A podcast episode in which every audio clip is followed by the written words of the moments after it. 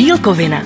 Výživa pro vaše uši. Informace a souvislosti o veganství i udržitelnosti v neudržitelném světě. Bílkovina. Podcast z Brna. Začíná osmý díl podcastu Bílkovina. Od mikrofonu zdraví Pavel Kachlík a Jiří Malenovský. Dnes se zaměříme na věčné téma školních jídelen. Povídat si budeme o různorodosti jídelníčku, pestrosti i dlouhodobých palčivých problémech školního stravování. Na závěr vás čeká i recept na oblíbenou a skvělou pizzu od naší páji. Pozvání přijala Anna Neumannová, koordinátorka kampaně Pestré jídelny organizace Nesehnutí. Pěkný den. Pěkný den. Aničko, jsi spokojená s aktuálním stavem školního stravování? Ne. Tak si to teď společně pojďme důkladněji rozebrat. Téměř 2 miliony dětí pravidelně navštěvuje některou z více než 8,5 tisíce českých školních jídelen. Téměř 20% mladých strávníků se tam ale nenají. Co zatím je? A jaká je výživová kvalita školních obědů? Pojďme se ptát na souvislosti. Aničko, jaký byl na základní škole tvůj nejoblíbenější oběd eh, ze školní jídelny? Jako já, já jsem vlastně byla docela spokojená na základní škole s jídlem a nevím, jestli nejoblíbenější jako napadá mě čivapčiči, ale nevím proč. Jako mně přijde, že to nikdo jinde se nevařilo nikdy a to čivapčiči bylo vždycky docela dobrý. Mm-hmm. Jiřino, co tvůj? Já si myslím, že tady tuhle etapu jsem nějak vytěsnil ze života a v podstatě si asi na nic jako dobrýho nepamatuju. Možná buchtičky s krémem, ty byly takový jako vděčný vždycky. Ale e, naopak si teda pamatuju ze školky dušenou mrkev s rážkem, kterou vlastně jsem vždycky musel dojíst ten talíř, abych si mohl jít e, po obědě lehnout za ostatními dětmi a pokud jsem to nedojedl, tak jsem u toho jídla musel sedět jako furt, takže jsem vlastně tady tu dušenou mrkev s hráškem nabíral do ruk a strkal si to do tepláku. Proboha. Takže to nebyly nějaký uh, z francouzské základky šneci uh, na česneku? Ne, ne, ne, to bylo tady v Brně. tak já se přidávám s tou dušenou mrkví, prostě to bylo fakt dobrý a bez srandy, tak zdravím na brněnskou bakalku.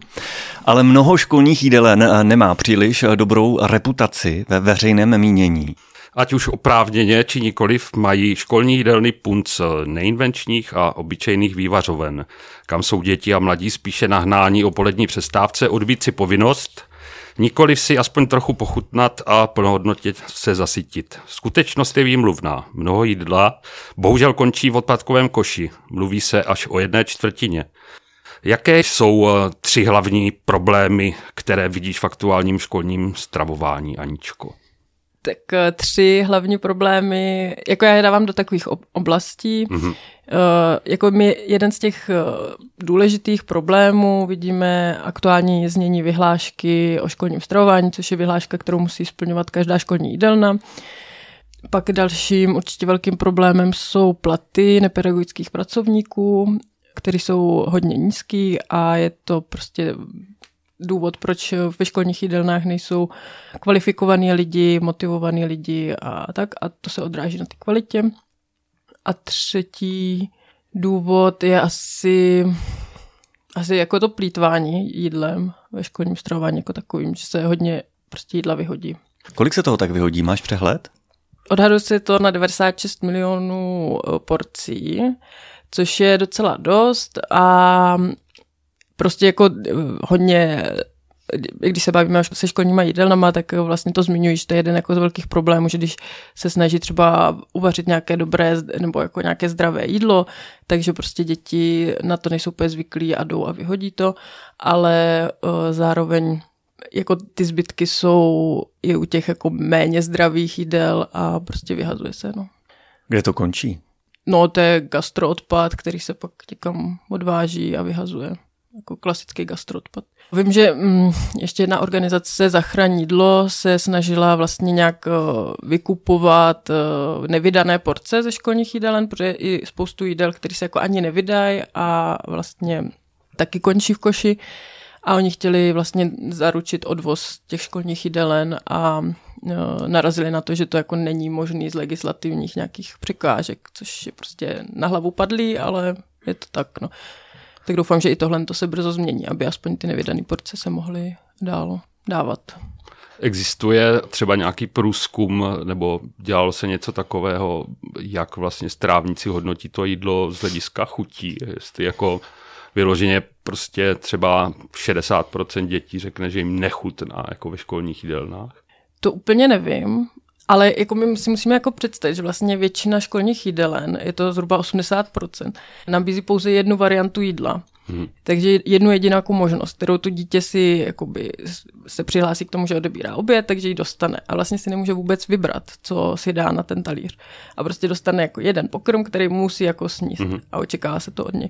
A vlastně to je jako stav, který uh, ani kdy, kdybyste takhle stravovali dospělí, tak uh, to vyhazování by bylo dost podobné, že by to byly hmm. jako taky velké jako odpady. Jako ano, my jsme třeba jako starší generace, která je zvyklá jako nevyhazovat jídlo, tak bychom třeba tak jako nevyhazovali ale, a dojídali, ale prostě přirozeně my lidi si chceme vybrat, co, co na ten talíř dostane. Každý máme trochu jiný chutě a bylo by fajn, kdyby jsme si mohli jako vybírat, který pokrm uh, si na ten talíř dáme, ať už já nevím, uh, jako jakou přílohu, nebo prostě um, třeba jaký druh zeleniny si dám na talíř. Mm-hmm a nemůžu prostě po všech dětí v jedné škole chtít, že jim bude chutnat prostě jedno konkrétní jídlo. Mm-hmm. To mi přijde, že to je jako základ eh, nebo takový předpoklad, který jako je jasný, že pokud tohle se nezmění, pokud nebude možnost výběru ve školních jídelnách, tak eh, ten odpad bude furt jako takhle vysoký. By mě zajímalo, jestli ještě v dnešních jídelnách stojí dozory a kontrolují nedojezené kousky a podobně. Ony totiž mlsné jazyčky dětí jsou velmi neuprosnými hodnotiteli. Přestože mnoho jídelen zajisté třeba vaří velmi chutně a především s obětavým nasazením kuchařek, jak si zmiňovala, je tam a palčivé téma i financování a odměňování personálu. K tomu se ještě dostaneme. Přesto pestrost jídelníčku je důležitá, jenže existují i zdravotní nebo etické volby ve stravování. Proč někteří mladí lidé odmítají jíst ve školních jídelnách? Už to tady trošku nakousla třeba právě tím, že eh, jim dáme pouze jedno jídlo na výběr, ale jsou tam i nějaké jiné faktory? Jo, jako uh, některý, uh, my odhadujeme vlastně ty čísla, že zhruba každé čtvrté dítě se ve školní jídelně nenají a ty důvody je jich, je jich víc a uh, jedním z nich jsou, je i to, že prostě máme děti, které mají specifické stravovací potřeby, třeba mají nějaké zdravotní omezení a potřebují uh, nějaké potraviny vynechat ze svého jídelníčku, jak by jim z toho nebylo dobře. Ale pak máme uh, velkou část dětí, který vynechávají ze svého jídelníčku právě třeba maso anebo jakékoliv živočišné výrobky a ty v podstatě jako nemají možnost volby, protože prostě tady ty pokrmy se dost často nenabízí hmm. ve většině škol. A pak je tam samozřejmě jeden z důvodů je taky finanční, že mm, část rodin si prostě nemůže dovolit eh, platit za obědy. A to už se částečně řeší prostě nějaký migranty, to už je nějak jakoby v procesu eh, na lepší cestě. A pak jsou ale jako taky určitá část rodin, který třeba se chtějí zdravě stravovat, vychovávají tak své děti a prostě v té školní jídelně to, co jakoby dostanou na ten talíř, nepovažují za úplně zdravé. A tak třeba ani tyhle děti tam moc nechodí, nebo jim tam třeba úplně nechutná. A nebo když jsou třeba zvyklí na nějaký jako, na nějakou chuť zdravého jídla, luštěninového, zeleninového, tak, tak jim to prostě nevyhovuje. Ano, a pak je prostě část dětí, hlavně v tom vyšším věku, který třeba jako nestíhají jít ani na ten oběd a jedou radši domů a tam najedí se doma nebo jdou do obchodu a tam si něco koupí. Bramburky a energetiák. No. Pestrost je důležitá, teda i v jídelníčku. Ty jsi koordinátorka kampaně, která se jmenuje Pestré jídelny. Jaká je současná skladba školních jídelníčků? Je to pestrost, výživnost? No, důležitý je si říct, že ta uh, pestrost nebo ta kvalita toho jídelníčku je velmi různorodá. A vlastně máme spoustu jídelen, který vaří třeba báječně, zdravě, chutně a tak.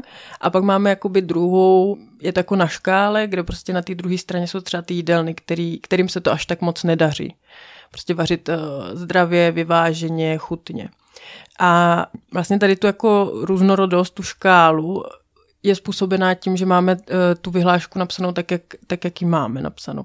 A v současné době vlastně naše vyhláška chce jenom to, aby jídelny nakoupily určité množství konkrétních potravin a ty z těch potravin pak jako nějak uvařili a to vydali. A my bychom chtěli, aby ta vyhláška se spíš uh, změnila v to, že se nebudeme bavit o konkrétních potravinách, jako je třeba maso, brambory, mlíko, mléční produkty, ale aby jsme se bavili o té skladbě, která je na tom talíři. A chtěli bychom, aby bylo zaručené to vyhláškou, že uh, na každém talíři bude nějaký zdroj bílkoviny, nějaký zdroj uh, sacharidů a hodně zeleniny. A taky prosazujeme to, aby ty zdroje bílkoviny nebyly jenom živočišného, ale aby to byly i zdroje z rostlinných zdrojů, aby prostě bílkoviny uh, můžeme získat z různých zdrojů a právě i těch rostlinných a ty jsou vlastně velmi důležitý pro naše zdraví. My se k samotné té vyhlášce ještě dostaneme, budeme se jí věnovat i nadále. Pojďme se ještě ale podívat na nějaká fakta. Ví se, kolik je nyní v České republice přibližně veganů a vegetariánů? My máme jako data, které jsou na dospělí a vlastně se odhaduje, že v české populaci je zhruba 5 až 10% vegetariánů a zhruba 1 veganů. Mm-hmm. No a pak eh, roste eh, počet lidí, kteří jsou takzvaní flexitariáni, což jsou prostě lidi, kteří záměrně omezují množství živočišných produktů ve své stravě a tady to číslo těchto lidí jako postupně každým rokem narůstá. Že vlastně jakoby vůle k tomu zařazovat rostlinné zdroje nebo rostlinné jídlo do svého jídelníčku roste každým rokem. Mm-hmm. Nějaký průzkum mezi dětmi a mladistvými se nedělal zatím? No úplně ne, nebo já o něm nevím, mm-hmm. ale vlastně ty čísla, se, ty procenta se zvyšují už i v kategorii eh, kolem 30, jakože 18 až 30, tak ty čísla jsou výrazně vyšší než v té jako celorepublikových čísel. Už vlastně třicátníci mají svoje děti a je logický, že vlastně vychovávají svoje děti v podobném stravovacím režimu, jako, jako se oni sami stravují. Takže je dost pravděpodobný, že v brzké době bude i velký nárůst vlastně mezi dětma, který se stravují prostě nějak jako eticky, ale nějak třeba udržitelně mm-hmm. s mhm. ohledem na planetu, anebo prostě zdravě.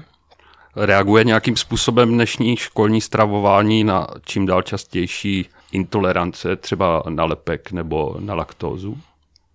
Někde jo, někde ne. A vlastně školní jídelna, eh, nebo ve vyhlášce o školním stravování je napsaná věta, že školní jídelna může vycházet stříc eh, nebo může eh, nabízet dietní stravu. Takže jako ta možnost tady je, jsou na to nějaké metodiky a když nabízím dietní stravu, tak dostanu i nějaký jako vyšší příspěvek na ten provoz ale za nás, jako, nebo my prostě si myslíme, že te, ta podpora je zatím nedostatečná a jako jsme přesvědčeni o tom, že prostě v dnešní době je prostě nutný eh, vycházet stříc lidem, kteří mají zdravovací omezení nebo nějaké zdravovací potřeby a není možné je vylučovat ze školního stravování. My to vlastně pojmenováváme, že uh, jsou to jako nerovné podmínky pro, pro ty lidi a vlastně naše mm, ústava, ale i antidiskriminační zákon nám nakládá, že nesmíme vylučovat z veřejných služeb eh, lidi, kteří eh, mají nějaké zdravotní omezení, anebo mají třeba světonázor, který jim neumožňuje se stravovat eh, konvenčně. Takže my vlastně jako ne, bychom neměli vylučovat tady ty děti, ale děje se to. A vlastně množství jídelen, který v současné době nabízí dietní stravu, tak je jenom 30%. A vlastně do tohohle čísla těch 30% se počítají i způsob eh, takový, kdy rodina uvaří vlastní jídlo, eh, dá to do krabičky a vlastně školní jídelna tomu, to, tomu dítěti uvaří nebo umožní sníst. A i tady ta forma se vlastně počítá do těch 30%. Mm-hmm. Je to zhruba polovina, jo? že z 15% je touhle formou a 15% že školní jídelna uvaří přímo a jako z mého pohledu je to hrozně nedostatečný. My prostě bychom rádi, kdyby to číslo se překlopilo eh, spíš k nějakým 90 až 100% kdy prostě jako všechny děti se můžou najíst ve školní jídelně. Mě překvapilo, jak jsi vlastně říkala, že školní jídelny můžou jakýmsi způsobem víc stříc, ale že to je vlastně o té možnosti a není tam ta povinnost. Čili jako jednoznačně z toho pro mě plyne nějaký závěr vlastně té diskriminace. No. Vnímají to ty školní jídelny, kuchařky a vedoucí stravovacích provozů jako velkou zátěž, nebo naopak jsou třeba tomu otevření vycházet stříc novinkám a novotám? Tak jako je to určitě jako nějaká forma zátěže pro ten provoz, protože eh, no, běžný provoz těch 80% školních jídelny je zvyklý, že vaří jenom jeden pokrm. A prostě cokoliv navíc je samozřejmě určitý jako zatěžující nějak. Ale to je vlastně jako individualizovaný jako myslím, že naše společnost by měla směřovat k tomu, že bereme ohledy na specifické potřeby různých lidí, usilujeme o to už i ve vzdělávání, tak bychom o to měli usilovat i ve školním stravování. A jako je to složitá situace, protože třeba mluvili jsme s jednou jídelnou, která nám říkala, že zhruba 70% školního roku mají podstav personální a že je hrozně obtížný sehnat personál do školních jídelen. A ve chvíli, kdy jako já tam nemám ty lidi, tak ano, je prostě skoro nemožný vycházet stříc eh, lidem, kteří mají nějaké potřeby. A proto je prostě nutný eh, řešit i ten jako personál, aby prostě byl dobře ohodnocen, aby se dobře scháněli lidi do školních jídelen. A pokud tohle to všechno se zajistí, tak, eh, tak ano, prostě pak by to neměla být překážka. Proto. Posloucháte podcast Bílkovina, dnes o problematice školního stravování v Česku. Ptáme seAny Neumanové. Nesehnutí v jedné své tiskové zprávě z léta roku 2023 cituje z e-mailů, které vyzývaly ministra školství o zasazení se o novou vyhlášku o školním stravování. Jedna z nich zní naše gymnázium nabízí pět jídel a ostatní školy nám tuto možnost závidí. Studenti však v rámci předmětu biologie a chemie zkoumají jejich nutriční hodnoty a došli k závěru, že jsou u všech jídel nedostatečné. Převládá maso, moučné omáčky, smažené produkty, saláty jsou často zalité majonézou. Jako vegetariánská jídla jsou nabízena jídla sladká nebo fast foodová typu langoš. Polovina dětí ze třídy jsou vegani nebo vegetariáni. Našli jsme alternativního dodavatele obědů, který nabízel tři druhy jídla, včetně jednoho vegetariánského. Ale přesto paní ředitelka direktivně rozhodla, že obědy se budou vozit z jiné základní školy a polovina třídy bude hladem. Když se mluví o budoucnosti školního stravování ve spojitosti například s udržitelností, ani Cítíš ve vzduchu vůni do křupava vypečené zeleniny nebo spíše emise skleníkových plynů? Jako my usilujeme o to, aby jako to, i to školní stravování uh, bylo udržitelnější. A uh, věřím tomu, že se nám to povede, takže já cítím jako ve vzduchu velkou naději ale uh, bude to ještě nějakou dobu trvat, protože v současné době prostě naše stravovací zvyklosti vlastně vůbec neodpovídají tomu udržitelnému jídelníčku. Proč stále není možné zavést eh, širší paletu výběru jídel s ohledem na stravovací preference potřeby strávníků a tím zároveň velmi pravděpodobně i do budoucna snížit plítvání jídlem a víc stříc eh, mladým zákazníkům? Už jsme to tady nakousli, ty důvody je to te, určitě to podfinancování, ten malý výběr a tak, ale kde to naráží na tu jako zeď nějaké nebole? No mně přijde, že vlastně po těch jídelnách se to úplně jako nevyžaduje a nema, nejsou nějak motivovaní, aby to dělali. Jako třeba nějak jako finančně není výhodnější nabízet prostě více variant. Zároveň prostě z těch diskuzí se školníma jídelnama, jídelnama vyplývá, že je docela i administrativně náročný nabízet více variant a ty jakoby vykazovat do toho spotřebního koše, který je ve vyhlášce a že i tady to je prostě jedna z těch překážek, proč nenabízet více variant. Mm-hmm. Což prostě je blbý, když mm-hmm. stát po nás chce nějakou administrativní povinnost, která ano, dá se úplně překonat, když jsem jakoby motivovaná to dělat, tak eh, to určitě jde překonat, ale prostě je tam určitá bariéra, která když jako ten personál až tak motivovaný není, chce jít to nejjednodušší cestou, tak prostě jasně nebude překračovat nějakou administrativní překážku, která prostě Otravuje život. Otravuje život. Mm-hmm. No, jako prostě jdu tou mhm. nejjednodušší cestou ano. a bohužel uh, naše vyhláška nevypadá tak, aby to bylo jednoduchý. Mm-hmm. My se bavíme o vyhlášce, která se má i brzo měnit, tak přiznáme, že natáčíme na závěru roku 2023, ale vy už posloucháte v roce 2024, milí posluchači podcastu Bílkovina. A k budoucnosti se dostaneme, jestli je to třeba i sci-fi, hudba daleké budoucnosti, nebo třeba i možná blízká realita, že by byla i rostlinná jídla, navíc z lokálních surovin, daňově zvýhodněná v rámci své vyšší environmentální šetrnosti a tedy pro koncového zákazníka, strávníka klidně, i v případě školního stravování, finančně motivační a levnější. Je to sci-fi nebo je to budoucnost?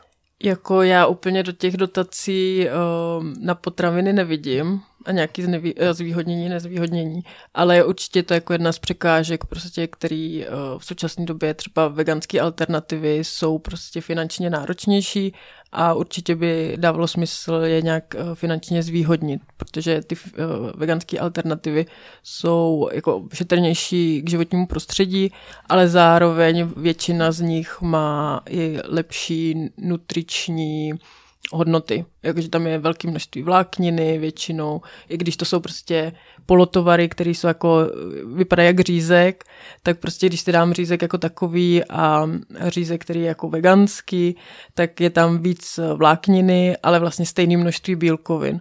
Takže jako mnohem lepší pro člověka, pokud potřebuje jíst takovýhle jako junk foods, tak si dá tu veganskou alternativu tady v souvislosti s tou cenou vlastně, jak se eh, narazila na to, že eh, veganské potraviny jsou finančně náročnější, tak eh, zároveň tam z mýho pohledu vidím i jako problém fakt jako obrovských dotací do živočišného průmyslu. Čili tady můžou mezi sebou soupeřit vlastně dvě strany, jedna, která vyrábí veganské suroviny a pak nějaký prostě zemědělský koncerny, které jsou jako obrovsky prostě podporovány obrovskýma penězma, tak je to vždycky nerovný boj. No. Jako je to tak, my se úplně tady těm dotacím nevěnujeme, hmm. ale uh, spolupracujeme s organizací Provek, která se snažila udělat to, aby rostlinné nápoje byly stejně jako plnohod vnímané jako náhražka kravského mlíka, hmm. protože máme tady velké množství lidí, kteří mají intoleranci na kravský mlíko a uh, vlastně, když se snažili tohle to prosadit, aby vlastně třeba v rámci programu Mléko do škol bylo možné dávat i rostlinnou alternativu, tak uh, pocítili velký jako tlak ze hmm. strany hmm. potravinářské komory a vlastně zemědělského lobby, aby se to neuskutečnilo. Takže jako, fakt jako ty tlaky tady na to, aby ty dotace nebo prostě podpora šla hmm. hlavně na ty živočišní produkty, jako fakt jako jsou. No. My ve veganské gastronomii zažíváme aktuálně výrazně zvýšenou poptávku od ředitelů a ředitelek škol na dovoz veganských obědů do jejich institucí. Je to způsobeno především specifickými požadavky na stravu dětí a mládeže ze strany rodičů. Bohužel chleb se vždy láme u ceny. Restaurace nemohou s cenami svého jídla moc hýbat, protože nejsou dotované. A tak je cena každodenního oběda pro rodiče mnohdy příliš vysoká. Jak z toho ven? Mohou se třeba někdy stát veganské a vegetariánské restaurace plnohodnotným partnerem systému školního stravování? Jako určitě, pokud by byla vůle, tak ta cesta se najde. Mm-hmm.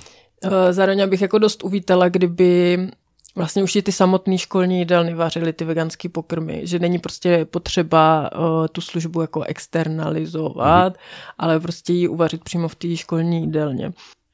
Ale samozřejmě jako je i jako možnost uh, nabízet tu stravu tak, že ji zajistím, že ji někdo doveze jako s tou cenou, jak, jak to jako vyřešit, aby pro restauraci to třeba bylo výhodný, tak e, jako si nejsem úplně jako jistá, ale zároveň, když by ten odběr byl v určitém množství a je to i pro tu restauraci jako záruka toho, že bude určité množství pokrmu odebráno, což mně přijde, že jako vlastně školní stravování nabízí tady tu jistotu, protože ty děti tam chodí každý den a každý den odebírají jídlo, když můžou, tak jako si myslím, že i s tou cenou to pak může jít trochu jako níž. Ví se, jaká je cena, průměrná cena školního oběda v dnešní době? Jo, průměrnou cenu úplně nevím, mm. ale ono vlastně už i vyhláška stanovuje limity cen a nastavuje vlastně jakoby nejnižší možnou cenu a nejvyšší možnou cenu s tím, že se to uh, liší vedle věku, že ty nejmladší mají jakoby nižší ty ceny a čím starší, protože mají větší porce, mm-hmm. tak mají mhm. vyšší cenu. A já myslím, že ta jakoby nejvyšší cena pro ty nejstarší je eh, kolem jako do 50 korun. Mm-hmm. Ale tahle cena vlastně uh, zahrnuje jenom náklady na suroviny. Mm-hmm. Protože náklady na provoz i náklady jako na platy se hradí z rozpočtu ministerstva školství. Takže za vším hledat vyhlášku, ta by mohla mnohé i změnit a možná už teďka posloucháme a něco se mění nebo změnilo během doby od natáčení do publikace tohoto podcastu. Takže možná něco předbíháme. Jak to, že vyhláška o školním stravování zamrzá už dobrých 30 let? Jak je to možný? Jako ten pravý důvod úplně nevím. nebo, mm, no, nevím. Na dobré věci je, je potřeba si počkat. no. Jako pro mě je to vlastně jako záhada, protože uh, já jsem vlastně tady tohle téma uh, slyšela už, já nevím, třeba před 10-15 lety, zvedala to Margit Slimáková, že prostě je nutný něco v tom dělat a tak. A když jsem vlastně se jako začala tím zabývat, protože jsem se stala koordinátorkou této kampaně, tak jsem vlastně narážela na články, které jsou fakt už starý jako 10 let a vlastně furt mluví o tom stejným. Jo, mm. že, že jako prostě je to problém, musí to změnit a musí to řešit. Prostě školní stravování spadá pod ministerstvo škol, školství a částečně pod ministerstvo zdravotnictví. A poslední ministr nebo ministrině případně, který uh, to chtěl nějak řešit, byl Ondřej Liška, který uh, to už je 15 let, co byl ministrem školství. A od té doby to jako nikdo na ministerstvu školství moc nezvedal. A co vím, tak v té době uh, byl problém na ministerstvu zdravotnictví, že tomu se to moc nezdálo a nechtěl to řešit a trochu to blokoval. No a v současné době ta situace je trochu opačná, že vlastně máme tady státní zdravotní ústav, který um, udělal projekt Máme to na talíři a vlastně mluví znova o tom, že je potřeba uh, zlepšovat školní stravování a státní zdravotní ústav spadá pod ministerstvo zdravotnictví. Takže teďka jsou vlastně snahy na ministerstvu zdravotnictví s tím něco dělat, včetně toho, že máme eh, v programovém prohlášení současné vlády i to, že eh, zaručí dietní stravu ve všech školních jídelnách a připraví proto legislativní požadavky. Eh, zároveň ještě náměstci na ministerstvu zdravotnictví eh, se vyjádřili v tom smyslu, že do konce roku 2023 bude eh, návrh na nový jakoby legislativní podklad pro školní stravování, čili jakoby návrh nové vyhlášky. To už víme, že se nestane, že se to nestíhá. Ale jakoby můžem, jako je, jsou patrné snahy na ministerstvu zdravotnictví.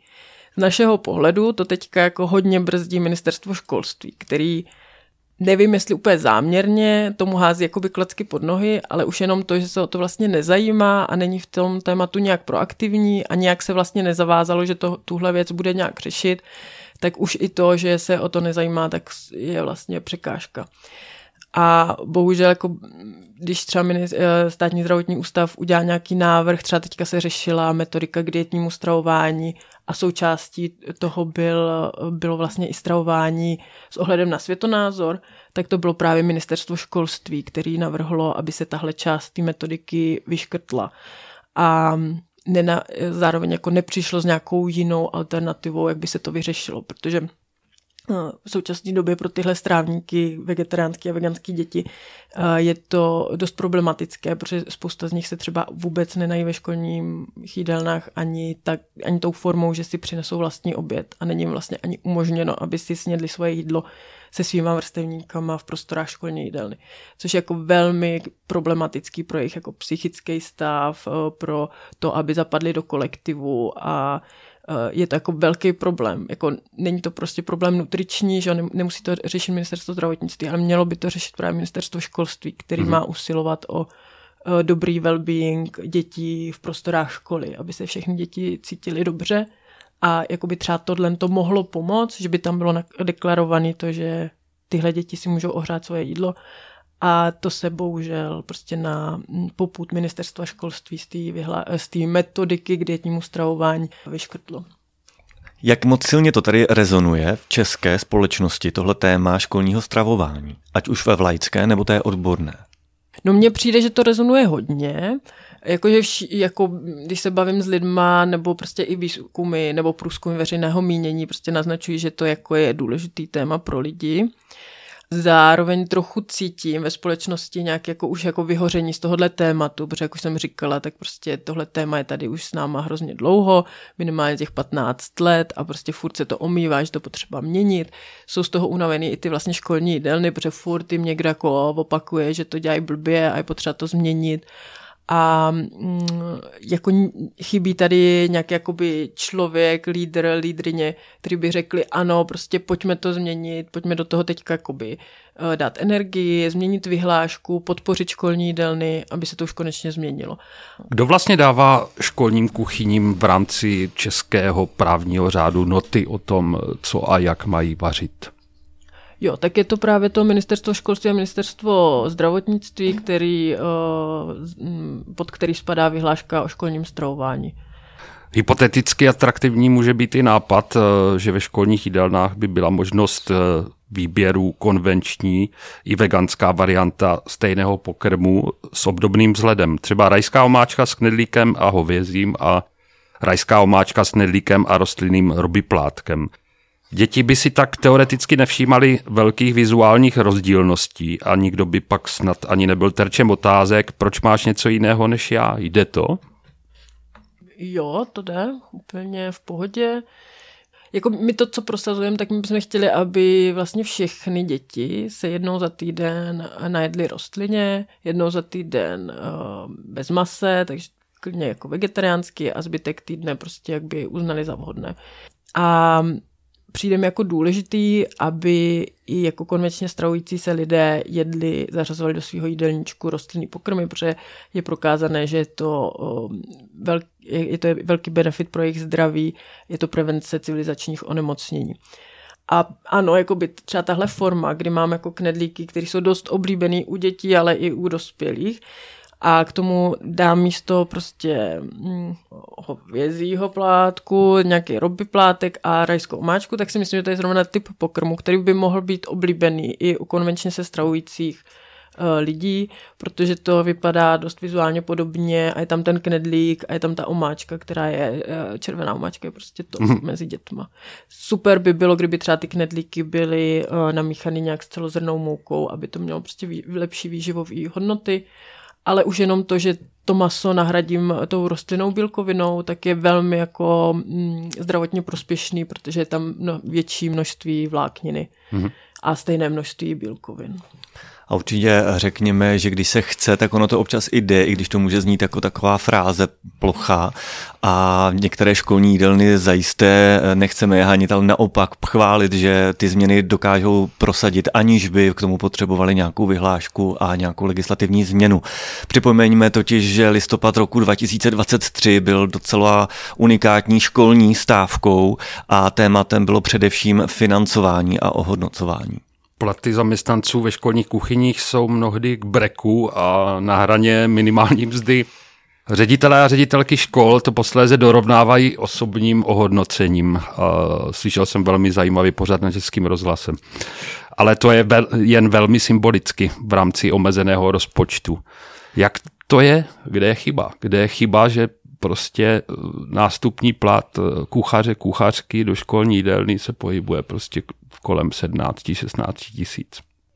Takhle, prostě oni jsou tabulky uh, těch platů nepedagogických pracovníků, které jsou, jako nevím, jak moc jsou zastaralí, ale už jsou tady taky dlouho a taky se neaktualizují a prostě už ty samotné tabulky neodpovídají tomu, co z hlediska pracovně právního ten provozovatel musí tomu zaměstnavateli, eh, zaměstnanci nabídnout, což je jako minimální mzda a taky minimální zaručená mzda. A vlastně ty tabulky tady těm dvou hodnotám neodpovídají a ten eh, provozovatel to musí dorovnávat mm-hmm. ze zákona. Mm-hmm. Takže ano, prostě pak um, se schání, kde ty peníze vzít a prostě jde to třeba z peněz, který by měl jít na osobní ohodnocení, který má být navíc. Prostě za to, že dělám věci navíc, tak dostanu lepší ohodnocení. Ale bohužel se děje to, že se musí dorovnat uh, už jenom ty samotný, uh, jako ten samotný základ, ty samotné mm-hmm. tabulky. A je, jakože bylo by potřeba upravit ty tabulky bez sporu a prostě uh, jako celá ta diskuze, která se vedla v listopadu ohledně těch platů, bylo jako my jsme si to museli jako nastudovat nově, protože my nejsme jako typicky platová nebo odborová organizace, mm-hmm. ale je to vlastně jako důležitý pro to naše téma, že jako vnímáme, že ty platy prostě by měly mít určitou hodnotu, aby eh, ty školní jídelny mohly zlepšovat tu službu, kterou nabízejí. A bylo jako vidět, že eh, vláda jako není motivovaná v tom eh, vlastně dobře zaplatit tady ty zaměstnance, a vlastně současná vláda se snaží hodně jako šetřit na státních zaměstnancích. A jako já přemýšlím, jako čím to je, jo, ale uh, musíme si uvědomit, že tady ta služba, školní stravování, jako velký benefit pro rodiny. Ale samozřejmě tady ten benefit, pokud je, nebo pokud teda spíš není, tak dopadá především jako na rodiče a především třeba na ženy, na matky, protože jsou to typicky oni, kteří zaručují například tu stravu pro děti, které se tam nenají. Takže jako bohužel furt jako nejvíc žen eh, pečuje o děti, vařím jakoby ten oběd na, na druhý den a jsou to oni, který musí to pak řešit. A jako třeba my jsme to taky jako pocítili, naše rodina, my se strovem vegansky a vlastně naše dítě, vlastně naše školka neumožňovala veganskou stravu, takže my jsme vařili jídlo pro dceru eh, po večerech a je to jako hodně zatěžující pro tu rodinu. Prostě já bych ráda večer už jako odpočívala, měla nohy nahoře, nebo třeba ještě třeba si nějak hrála s dítětem, nebo nevím co, četla si. Mm-hmm. Ale jako místo toho musím vařit oběd pro dceru na druhý den.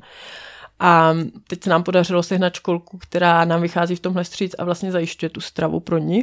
A jako pro mě to mega úlevný, jo, že fakt jako mě se zlepšila moje, jako, uh, moje, můj pocit kvalitního života o několik procent. A tady tenhle, mm, jakoby tady ta zkušenost uh, může být jako nepochopitelná pro člověka, který tohle to nikdy neřešil, nezajišťoval.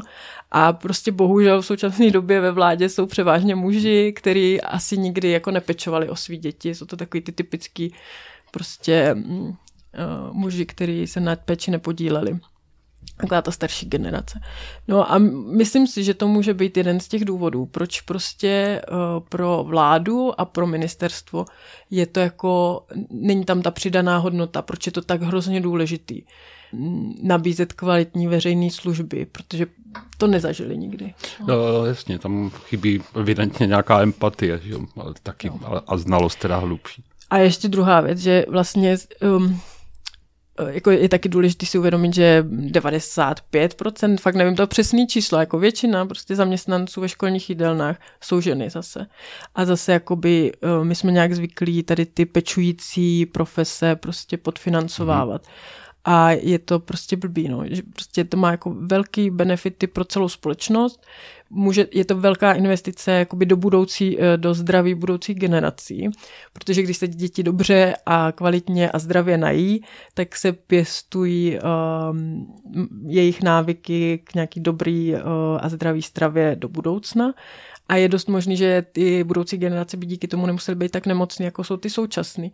Ale bohužel prostě, když eh, do toho teď nezainvestujeme, tak eh, to nepocítíme zatěžovat třeba i systémy, i zdravotnický a další, protože je to uzavřený kruh v rámci našeho systému.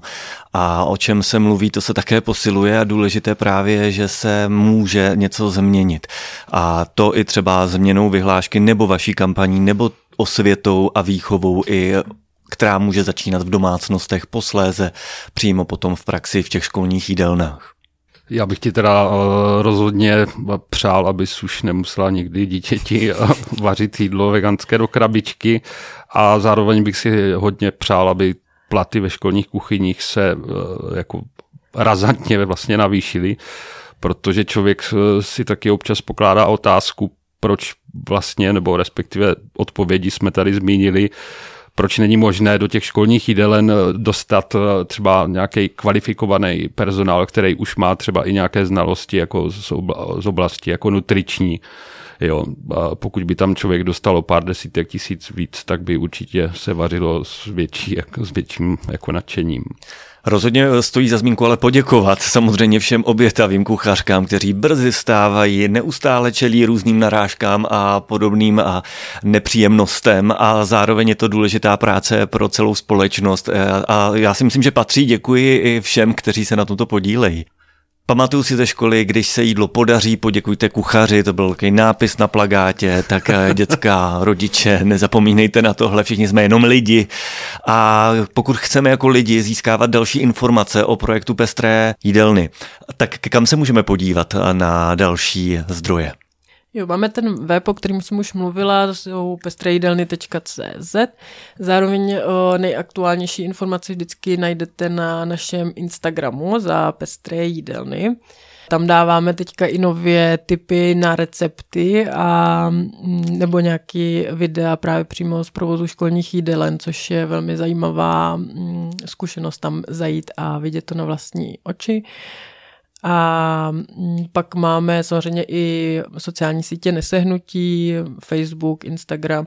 Na Facebooku máme i takovou rodičovskou skupinu za pestré jídelny. Říká Anna Neumannová, koordinátorka kampaně Pestré jídelny Nesehnutí. A za okamžik přidáme recept i my. Děkujeme za tvou práci a dnešní rozhovor. A recept na závěr přidává Pavla Derlíková. Bílkovina. Výživa pro vaše uši. Dnes si uvaříme polentovou pizzu s rajčatovým sugem, šery rajčátky, parmezánem ze slunečnicových semínek a bazalkou. Na těsto budeme potřebovat zhruba 200 g polenty, cca 900 ml vody, sůl, sušené lehotkové droždí, oregano, česnek. Polentu uvaříme podle návodu, přidáme koření. V momentě, kdy je hotová, tak ji vylijeme na plech nebo do dortové formy. Dále si připravíme sugo, tam potřebujeme 150 ml rečatové pasaty, trošku cukru, soli, pepře, oregána a česneku. Všechny suroviny smícháme a odložíme na později. Nyní si připravíme parmezán ze slunečnicových semínek, k tomu budeme potřebovat 100 g slunečnicového semínka, 20 g sušeného lahůdkového droždí a KLSD, sůl a všechny ingredience rozeme v mixéru. Dále budeme potřebovat na pizzu šery rajčátka, čerstvou bazálku a olivový olej.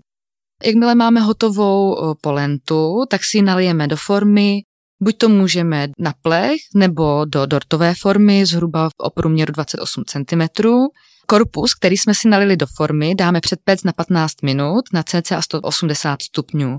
Poté základ na pizzu potřebujeme sugem, připravíme nakrájená šery rajčátka a část semínkového parmezánu a znovu pečeme na 15 minut na 180 stupňů. Na závěr posypeme ještě parmezánem, přidáme hrst čerstvé bazalky a zakápneme olivovým olejem. Tato pizza je přirozeně bezlepková a navíc polenta je bohatá na vlákninu, bílkoviny, vitamíny, zejména skupiny B a minerály. Navíc je velmi sytá, k zahnání hladu postačí i malá porce. Díky dostatečnému obsahu glukózy je skvělým pomocníkem pro odbourání stresu, působí proti unavě a poskytuje energii i vitalitu pro mozek. Dobrou chuť! Pusťte si bílkovinu do svých uší. Odebírejte tento podcast ve své oblíbené aplikaci. Informace a souvislosti o veganství i utržitelnosti v neudržitelném světě. Bílkovina. Podcast z Brna. Tento podcast vznikl za finanční podpory statutárního města Brna a současně pod záštitou primátorky statutárního města Brna Markety Vaňkové.